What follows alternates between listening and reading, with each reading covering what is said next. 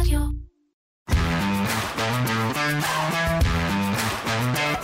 מנועי הכסף, הפודקאסט של כלכליסט על הנושאים החמים בעולם הכלכלה.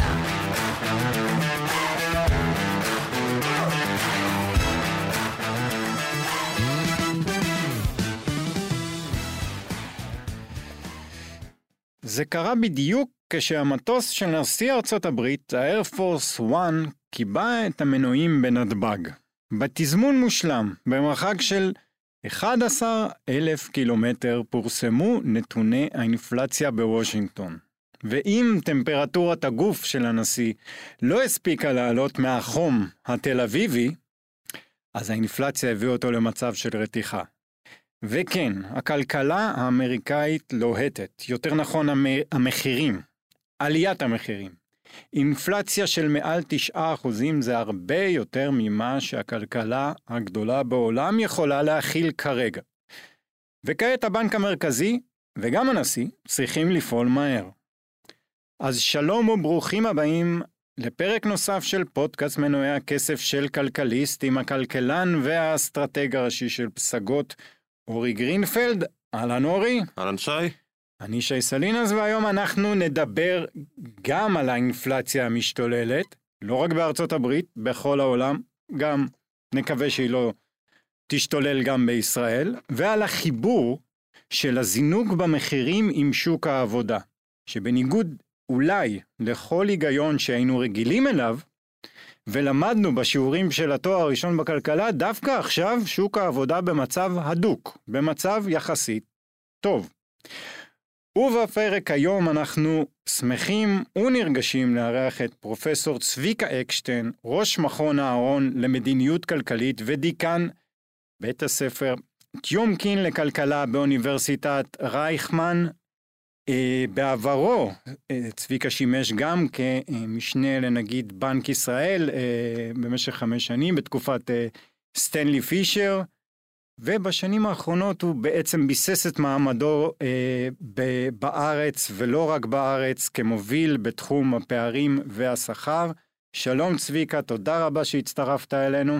תודה רבה, שלום, תודה שהזמנתם אותי. אה, אז בוא נתחיל לדבר, אה, אה, אולי אפילו אורי, בוא תכניס אותנו טיפה ל, ל, לדבר הזה, למשמעות הזאת, על ה, על ה, אנחנו באינפלציה של תש, שנתית של 9.1 אחוזים בארצות הברית. כן, אז האינפלציה ממשיכה לעלות, אה, סך הכל זה היה צפוי שהיא תמשיך לעלות, רק היא עלתה בקצב יותר מהיר ממה שהציפיות היו. המדד עצמו עלה בקצב של 1.3 לעומת חודש קודם, וכמו שאמרת, הקצב השנתי עלה למעל 9 אחוזים. ההפתעה הזו אה, קצת הרעידה את השוק, אני חושב, בשני מובנים כשמסתכלים על זה. אה, כי היא גם הגיעה לכל רוחב המדד. זאת אומרת, זה לא איזשהו סעיף אחד, כמו שראינו בכמה חודשים האחרונים, שהאנרגיה מאוד משכה את האינפלציה כלפי מעלה. אנחנו רואים עליות מחירים בהמון סעיפים, כמעט כל הסעיפים רושמים לא רק עליית מחירים, אלא האצה בקצב של עליית המחירים. אה, ובעיקר בענפי השירותים, שענפי השירותים זה מדד טוב באמת לשוק העבודה החם, זה מדד טוב לביקוש החזק, ולכן ראינו את התגובה אתמול בשווקים, ראינו מצד אחד עלייה מהירה בתשואות הקצרות, זאת אומרת מצפים מהפד, כבר התחילו אתמול בערב לא מעט בנקים גדולים בארצות הברית שנותנים תחזיות, התחילו לדבר על העלאת הריבית הקרובה, אם קודם הוויכוח היה אם זה היה חצי אחוז או שלושת רבעי אחוז, אז עכשיו כבר יש לא מעט שמדברים על העלאה של אחוז שלם. עוד ביולי, עוד החודש. בפגישה הקרובה.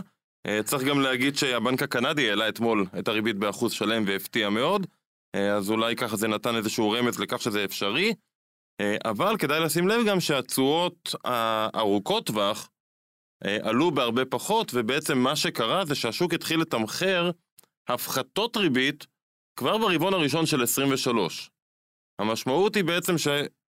שוק האג"ח בא ואומר, הבנק המרכזי אחרי כזה מדד, אין ברירה, חייבים לעשות הכל כולל הכל כדי להילחם באינפלציה עכשיו, נראה העלאות ריבית חדות, אבל זה כמובן יביא להאטה, לפגיעה בביקושים, ואז המשק ייכנס למיתון, האינפלציה קצת תירגע, ואנחנו נראה את הריבית יורדת אוטוטו, אנחנו רבעון ראשון של 23, זה ממש אוטוטו.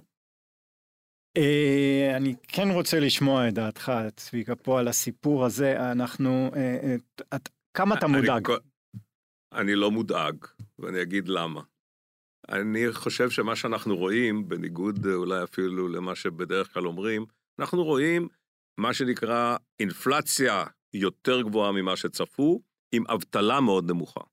תזכרו את עקומת פיליפס, זה בדיוק מה שאנחנו מצפים באינפלציה מאוד גבוהה, הרבה פעילות בשוק, שוק בביקושים מאוד גבוהים, שוק בביקושים גבוהים ממה שצפו, והאינפלציה היא רוחבית. חשוב להדגיש, ה-9.1 זה אינפלציה שלוקחת בחשבון את כל המוצרים, במיוחד אנרגיה ומוצרים של מזון וכן הלאה בתוך הזה, כשמורידים את זה ומסתכלים על מדד ה-core inflation, שעל זה מסתכל הפד, במפורש, חד משמעית, 6%. די יציב, ממשיך להיות 6%. אין ספק שהנושא השני זה ציפיות האינפלציה לטווח הקצר והבינוני. בציפיות האינפלציה לטווח הקצר והבינוני, עוד לא ראיתי את הנתונים עד הסוף, אבל הם המרכיב המרכזי בהחלטות, ה, בהחלטות הריבית.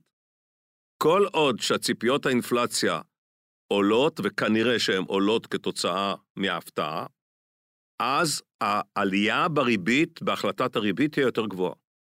צריך לזכור שבזמן הקצר, הריבית הריאלית, שהיא המרכיב המרכזי...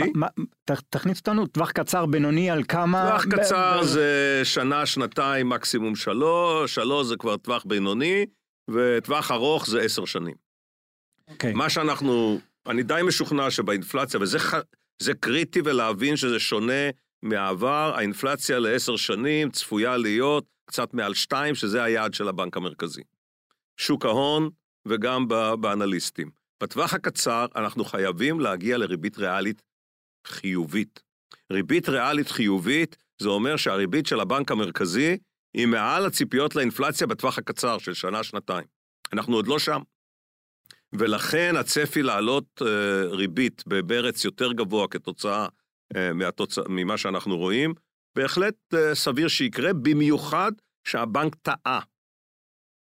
ואם הוא גם טועה לגבי ירידת האינפלציה, וגם האנליסטים טועים בירידת האינפלציה בחמישה חודשים קדימה, אז אנחנו בהחלט צופים שתהיה עליית ריבית יותר משמעותית ממה שצפו קודם עד סוף השנה, אולי אפילו לכיוון 4%. זאת אומרת, מה שאתה אומר, צביקה, שהפד או בנק מרכזי, האמת גם בישראל אפשר להסתכל על אותו דבר, העוצמות הן יותר נמוכות, אבל הכיוון הוא אותו כיוון.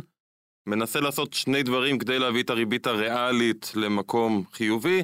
מצד אחד להעלות את הריבית הנומינלית, אבל גם כשהעלאת הר... שהעלאת הריבית תהיה חזקה מספיק כדי להוריד את ציפיות האינפלציה קדימה. מדויק. זאת אומרת, להגיד לשוק, חבר'ה, אני פועל, אני בעניינים, ואז הציפיות ירדו, וזה יעלה עוד קצת את הריבית הריאלית, זו הכוונה. אז זה יעלה את הריבית הריאלית, זה יוריד את הביקושים, זה יוריד את ביקושי משקי הבית לענף הנדל"ן, אבל גם לקניות אחרות, זה יוריד גם את הביקושים של הסקטור העסקי להלוואות נוספות ולהשקעות, הפעילות במשק תרד. הרצון של הבנק המרכזי, שהתהליך הזה בחזרה ל... לאינפלציה של 2%, ו... ריבית של 2.5 אחוז, כלומר אנחנו הולכים לראות ריבית מתקרבת ל-4.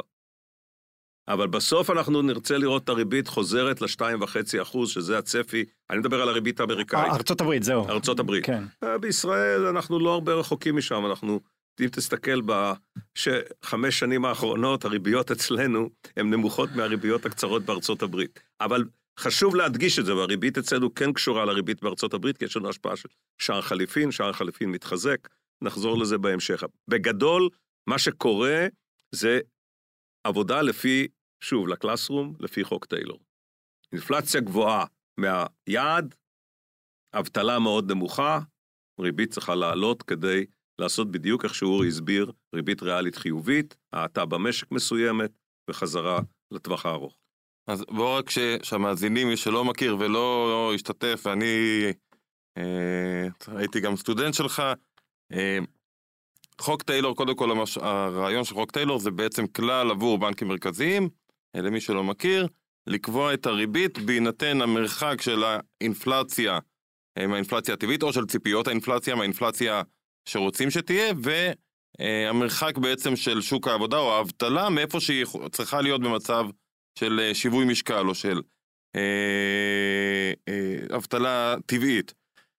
ככה בנק מרכזי בעצם קובע. אבל אתה הזכרת פה משהו אני חושב שהוא סופר מעניין וחשוב בעת הנוכחית. דיברת על כלל פיליפס, אז מי שלא מכיר, כלל פיליפס זה בעצם הכלל שמקשר בין שוק העבודה, רמת האבטלה, לאינפלציה או לשכר, יותר נכון. אומר ככל שיש פח, פחות אבטלה, יש יותר עובדים, אנשים עובדים, ככה גם השכר יעלה יותר מהר ותיווצר יותר אינפלציה. העניין הוא שעד לפני 2020, היו איזה עשר שנים שהכותרות כל הזמן היו פיליפס מת. כלל פיליפס נעלם, כי האבטלה הייתה נמוכה. לצערי... ברמות הכות... של היום. לצערי... ולא הכותר... נוצרה אינפלציה. לצערי הכותרות לא היו נכונות. תראו, אנחנו יצאנו ממשבר פיננסי גדול. והיציאה מהמשבר הפיננסי הגדול הייתה מאוד איטית. אני לא חושב שכדאי להיכנס לסיבות, אבל היא הייתה מאוד איטית. בגדול, רק להגיד מילה אחת, בארצות הברית, הממשלה לא נקטה בפעילות מרחיבה משמעותית. אם ת, תסתכלו בהרצאות של, של הנגיד, השרמן של הפד האמריקאי באותה תקופה, בן ברננקה, הוא, הוא אמר, I'm disappointed. וכל הפעילות וכל היציאה הייתה תוצאה של הבנק המרכזי, עם המדיניות, עם ה strategy שבנה, אסטרטגיה מוניטרית שבנה ברננקי, שהיא, שריבית היא אפס, עושים הרחבות כמותיות, ושהאינפלציה מתקרבת ל-2%, מפסיקים אותם וחוזרים עם ה... אינפלציה, עם הריבית כלפי מעלה. היום נקטו אחרת, המשבר הזה הוא משבר שלא היה. והמדיניות שננקטה הייתה קיצונית יותר מרחיבה ממה שהיה ב-2008. הבנק המרכזי במשך חודשיים עשה את מה שעשה הפד הקודם בשש שנים. אתה, הבנק, אתה מדבר על ההדפסות בעצם חלוקת הכספים. הוא קנה אגרות חוב, אני אכנס את זה, הוא הגדיל את המאזן ב-4 מיליארד, ב-4 טריליון דולר בשלושה חודשים. הבנק האירופאי הגדיל ב-4 טריליון יורו את האסט שלו, מה שהוא לא, מה שהוא לא עשה בעצם מ-2015 תחת דרגי. ובנוסף לזה, הממשלות זה לא בנוסף לזה, זה קשור לזה, הממשלות נתנו הרבה מאוד כסף לעובדים בכל ה... מה שנקרא מדיניות חל"ת אירופאית ומדיניות חל"ת אמריקאית, שהיו יותר נדיבים ממדיניות החל"ת הישראלית. אז זה ההבדל הגדול בעצם. לעומת שנים עברו שלפני 2020. שני הדברים האלה... הסיפור הממשלתי כנראה שעשה את השינוי הכי גדול. לא, אבל גם, ה, גם הבנק המרכזי, הגודל של הפעילות במהירות כל כך גדולה, עם צפי שזה הולך לקרות הרבה זמן, חשבו שאנחנו בתהליך איטי נחזור, כמו בפעם הקודמת, ולא. באה התרופה, העסק פחות או יותר הסתיים, ופח, הביקושים בשמיים. אבל אני רוצה להיות רגע סנגור של הממשלות. לא, יש זה, מגפה. זה לא, זה, לא, זה לא, זה, מה שאמרתי פה זה לא תקיפה של הממשלות. לא, סליחה. אמר, אני, אני אה, אגיד אה, חד משמעית, מה שהממשלות עשו, זה בדיוק מה שהיו צריכות לעשות. הם עשו נהדר. הם גרמו לאנושות כולה, ובמיוחד למדינות המפותחות וגם המתפתחות, לעבור מגפה נוראית בעלויות מינימליות. וזה הישג ענק של המחקר הכלכלי, שאפשר להדפיס הרבה כסף כשיש משבר גדול. מה שקרה הוא שלא היה לנו משבר מהסוג הזה במאה השנים האחרונות, ומעולם לא היה לנו, כשבמשבר כזה נקטו מדיניות כזו. אז מה שאנחנו ראינו בזמן, ומה שאנחנו רואים עכשיו, קשה מאוד לחזות אותו. בכל זאת, אבל, אמרת אה, אה, איפשהו, לא חזו כמו שצריך, בהתחלה, אני מחזיר אותך עשר דקות, את האינפלציה.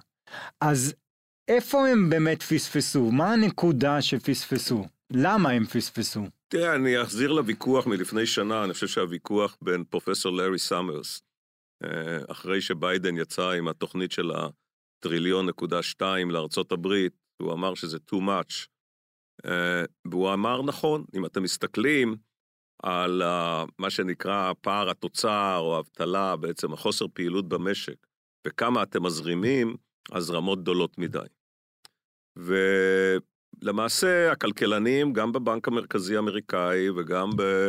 אה, לא הסכימו עם לארי סאמר, שזה גדול מדי. אה, ועכשיו אנחנו רואים שזה היה, הזרמות בזמן הזה והיום הן מאוד גדולות, והערכות על האינפלציה היו אה, נמוכות. גם, צריך להוסיף לזה, לא העריכו את כל בעיות שרשראות האספקה, לא העריכו את כל הסיפור של מה שיש לנו באוקראינה ובכלל, הביקושים לדלקים והביקושים למזון שיגדלו כל כך בצורה הזו, ולכן חשבו בהתחלה שמרבית האינפלציה היא כולה היצע. ואם היא היצע, אז היא אחרי כמה חודשים תיגמר. לא. חלק גדול מאוד מהאינפלציה זה אינפלציה של ביקושים, ולהתמודד איתם צריכים להעלות את הריבית, אז זה מה שעושים. אז זו בעצם הדרך היחידה שיש. בנק מרכזי, מה שמפחיד אותו, ודיברנו על זה כשקרנית אה, הייתה פה, העבודה שלו זה בעצם לעבוד על צד הביקוש, להעלות את הריבית, לפגוע בביקוש, המחיר זה האטה במשק. זה גם יסדר קצת את שוק העבודה, מן הסתם, כן. יש האטה, צריך פחות עובדים, השכר עולה בקצב איטי יותר. כן, והנקודה המרכזית, הקושי הגדול של הבנק המרכזי, זה איך לעשות את זה, שזה לא יהיה מיתון חריף. זאת אומרת, שלא נגיע לרמות אבטלה פתאום של אה, שישה אחוז, כי תמיד יודעים בדיעבד בעצם. נכון, אז אה, אני אגיד, בגדול, הבנקים המרכזיים כרגע זהירים, והם אה, מעלים את הריבית בשלבים, ויש כאלה, יש בין האנשים שרואים את השוק ואומרים, הולך להיות פה מיתון ענק, יש כאלה שאומרים שיהיה פה, אני מדבר בארצות הברית, שכאלה לו גם השלכות על ישראל. אנחנו מאוד מתואמים עם העולם. היתרון הגדול שלנו, אנחנו מתואמים עם העולם, אבל אני אגיד שאם אני מסתכל על ה... בעצם 15 שנים אחרונות, המשברים בעולם, גם הירידות וגם ה... גם הירידות בדרך כלל אצלנו היו יותר מתונות.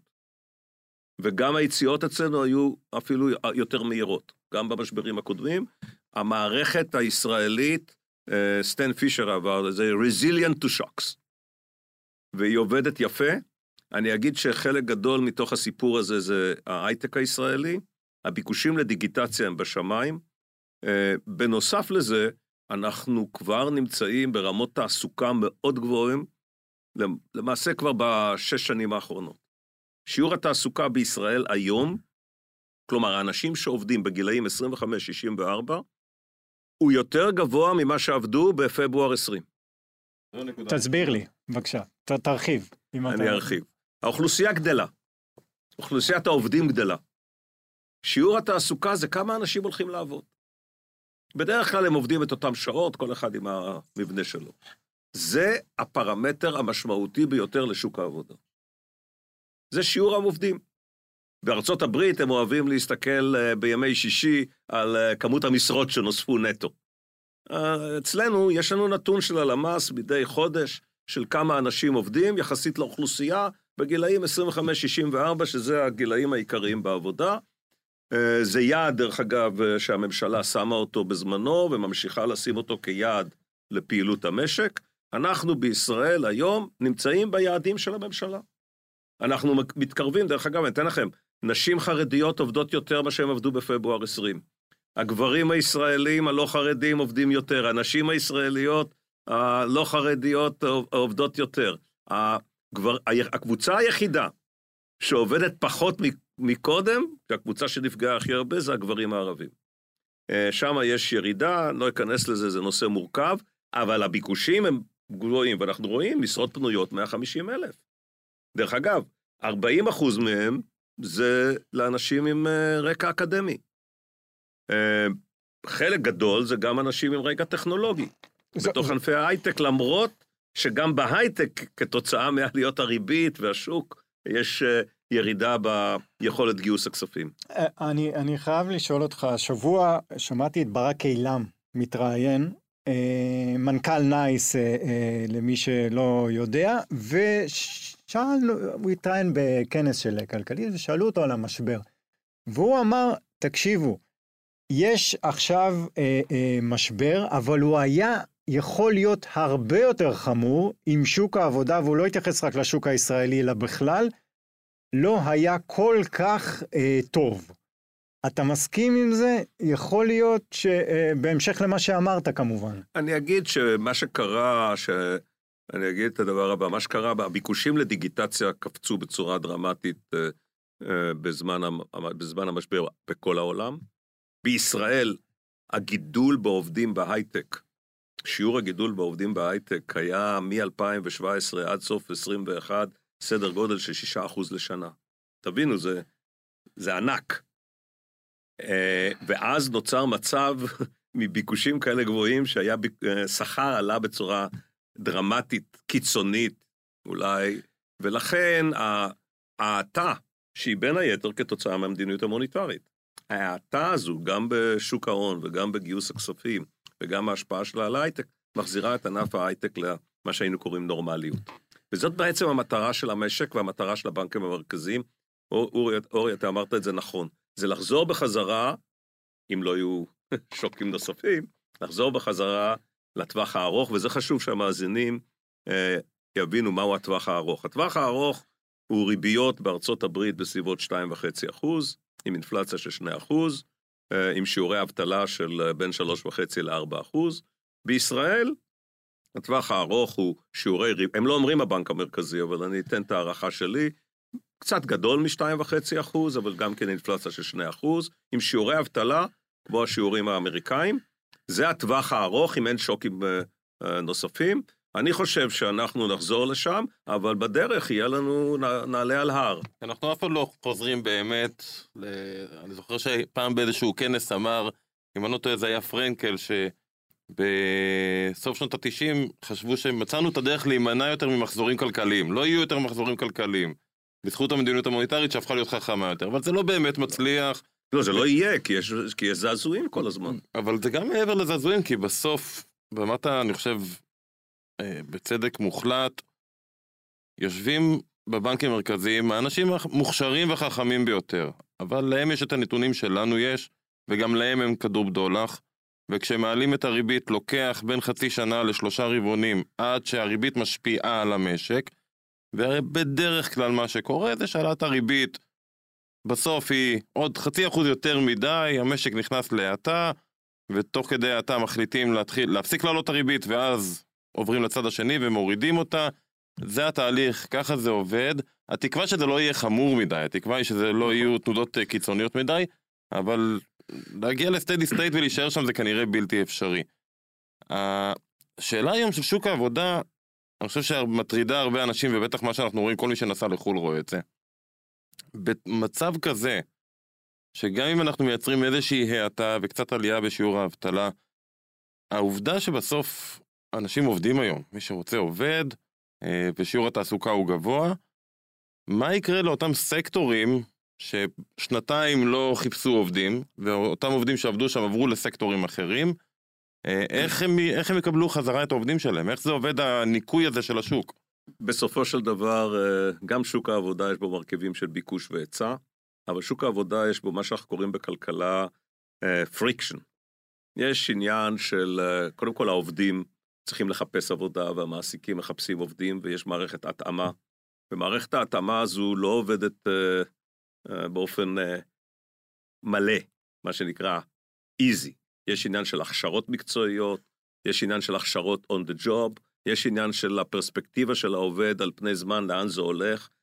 עדיין, למשל, בכל הנושא של שירותים, עדיין המגפה נמצאת ברקע. ואנשים לוקחים הסתברות יותר גדולה שיסגרו את שדות התעופה, אולי גם בגלל זה אולי נוסעים יותר, כדי להספיק עכשיו, אבל גם האנשים שצריכים לעבוד לוקחים את זה בחשבון, ואז אומרים, רגע, בשביל לעבוד אצלך במלון אני רוצה קצת יותר. והתהליך הזה של ההתאמה בין uh, העובדים עם הכישורים שלהם ועם הנכונות שלהם לעבוד, הוא תהליך שלוקח זמן, ואני uh, מצפה אני אגיד ככה, החלק המרכזי זה האם השתלטנו על המגפה והיא הופכת להיות עוד אה, שפעת. אם היא הופכת להיות עוד שפעת, ככה שאנחנו יודעים לטפל במגפה אה, ולא יהיו זעזועים בסדרי הגודל של המגפה, אני מעריך שתוך אה, שנה, שנה ומשהו אנחנו נראה את ההתאמות, כמו שאנחנו רואים במקומות אחרים. זו, זו, זו, כן. זו, אולי, זו אולי שאלה שצריך לשאול את הסינים, כי הם בעצם אלה שסוגרים את הקו אספקה. התגובה הסינית היא משמעותית, תבינו שהכלכלה הסינית היא כלכלה של אה, בתנאים הנורמליים 6 אה, אחוז, אה, וזה חתיכת כלכלה, יש לה השפעה על כל העולם, יש לה גם השפעה עלינו. אין ספק שהתנהלות שונה במדינות גדולות, שונות באירופה, סין, יפן, ארצות הברית, בתגובה לסיכון שישנה מגפה חוזרת, זה מאוד משמעותי של מה, איך ייראה העולם החדש. אני אגיד עוד מילה על הבעיות של הכלכלנים, גם בבנקים המרכזיים, אבל גם אה, בצד העסקי, אה, זה שאנחנו לא ראינו תופעות מהסוג הזה בעבר. וכל מה, הדרך היחידה שלנו, אני מלמד את זה בכיתה, אני מלמד אקונומטריקה, אה, אני מלמד שימוש בנתונים, וגם כל ה-AI וכל ה-Machine Learning, הם כולם מבוססים על מה שהיה. וצופים את העתיד. ובתהליך שבו יש לך אה, תופעות שלא היו בעבר, קשה מאוד לצפות את העתיד. אז אני כן רוצה לשאול אותך משהו לגבי השכר. אני, מעניין אותי לשמוע מה עמדתך לגבי שכר המינימום. תראה, אני אגיד את זה בצורה, בצורה הבאה, אני לא מתנגד חריף לחלוטין אה, לשכר המינימום, הוא צריך להיות באיזושהי אה, התאמה לשכר הממוצע במשק ולרמת הפריון של העובדים ברמה הזו.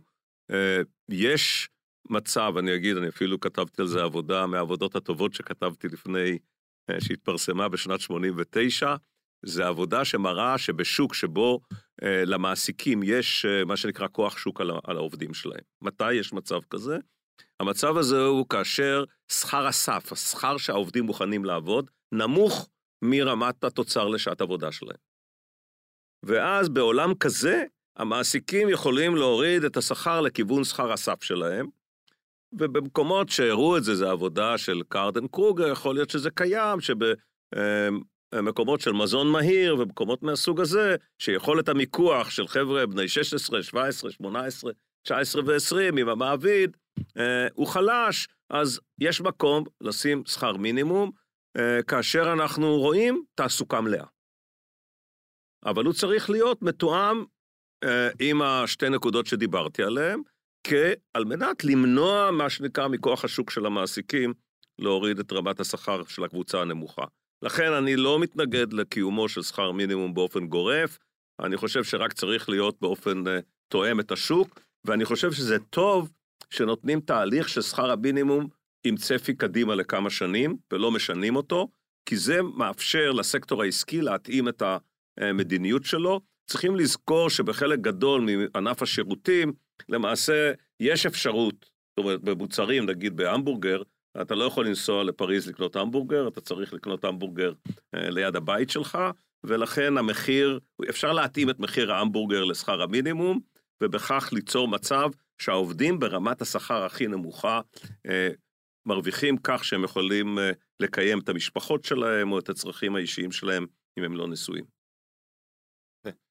אמ, בוא נחזור רגע לארץ, דיברנו על ארה"ב עם האינפלציה הסופר גבוהה הזו והלחץ של הבנק המרכזי, או שראינו בקנדה גם כן עם אינפלציה מאוד גבוהה והם נלחמים.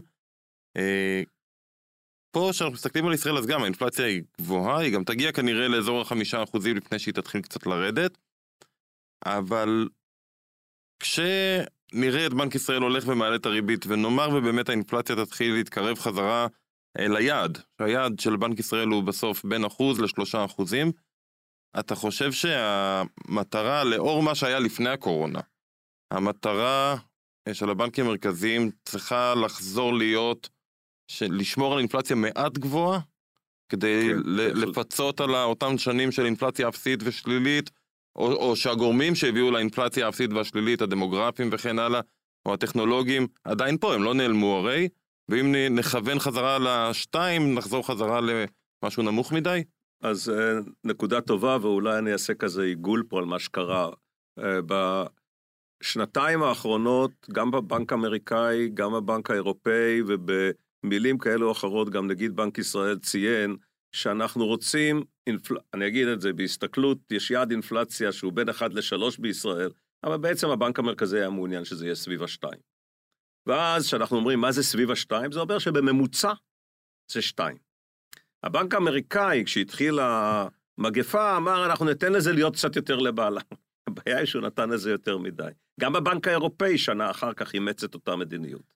אבל ואז... יש, יש אינטרס ברור לארה"ב ולאירופה לשמור על אינפלציה אפילו בארבעה אחוזים בגלל החובות האדירים שהם נכנסו אליהם. זה גם נכון, אה, שהתחילו להביא את החוב... בארץ, ברוך השם אין לנו את הבעיה הזו. אה, לא נכון, גם אצלנו יש, ה... יש אצלנו חובות שעלו ל-70 אחוז והם יורדים. זאת אומרת, יש אצלנו באמת הצלחה מאוד גדולה אה, במדיניות הפיסקלית של צמצום הגירעון אה, כתוצאה מעליית המיסוי, במיוחד בגלל שהתעסוקה מאוד גדלה דווקא בהכנסות הגבוהות וכן הלאה, וגם ה...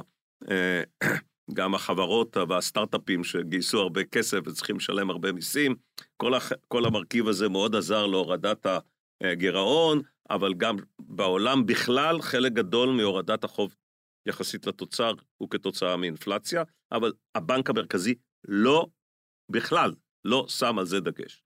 זה לא מהווה בכלל מרכיב בהחלטות הבנק המרכזי. חד משמעית. החלטות הבנק המרכזי בכל העולם היום חד משמעיות, להחזיר את האינפלציה לכיוון ה-2% ולשמור על תעסוקה מלאה. זה הדברים המרכזיים שמסתכלים עליהם, מסתכלים על עוד היבטים ויציבות פיננסית.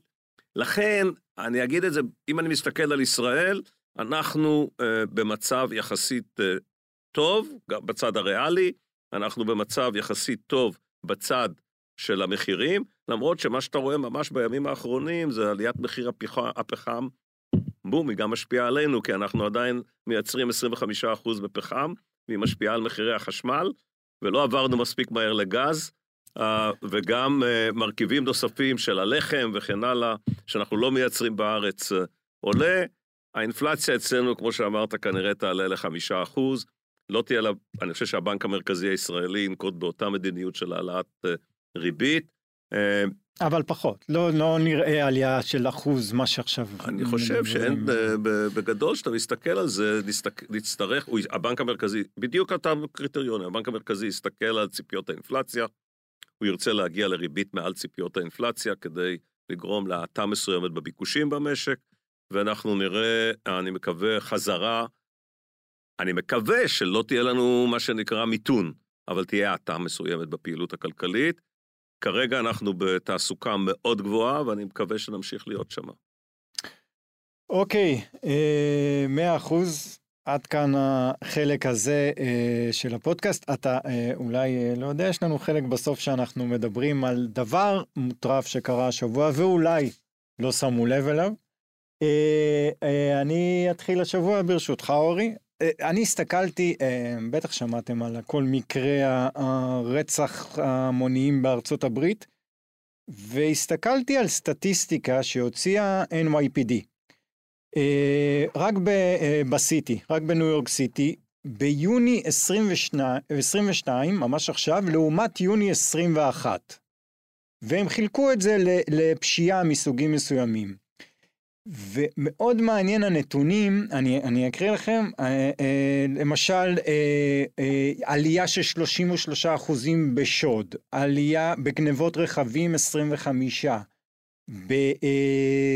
ב, ב, ב, אה, הם הרי מקטלגים את זה לפחות מאלף דולר או יותר לאלף דולר זה יחסית לענישה, אז יותר מאלף דולר זה 40 אחוזים. לעומת זאת, יש ירידה בשיעור הרצח של 30 אחוזים ביוני השנה לעומת יוני שנה שעברה.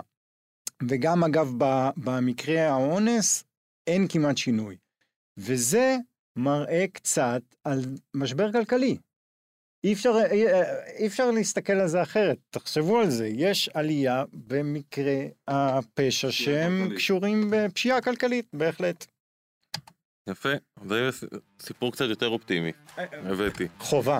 אמ, סיפור על אישה סינית, שלא יודעים את השם שלה, הכינוי שלה זה ז'מאו, אם אני אומר את זה נכון, שפשוט נכנסה לוויקיפדיה הסיני וכתבה מחדש את כל הערכים של ההיסטוריה של רוסיה בתקופת ימי הביניים, מיליוני על מיליוני מילים של המצאות מוחלטות ורומנים שהיא כתבה בין נסיכים למלכים, מחלות שלא היו, אנשים שנולדו, וזה פשוט נשאר שם במשך שנים, כאילו זו ההיסטוריה של רוסיה, אה, עד שמישהו עלה על זה, היא השתמשה בארבע אה, ארבעה חשבונות שונים כדי לכתוב את זה, אה, ועלו על זה, מחקו הכל, מיליוני מילים נמחקו, ועכשיו מתחילים לבנות את כל הערך הזה מחדש. זה מראה לך שאתה לפעמים אתה אומר, קראתי בוויקיפדיה, כן. אה, זה ברור שזה קורה, אז לא תמיד, זה, זה באמת מה שקורה. אוקיי, אה, פרופסור צביקה אקשטיין, תודה רבה שהצטרפת אלינו. תודה שהזמנתם אותי. ונשתמע בשבוע הבא.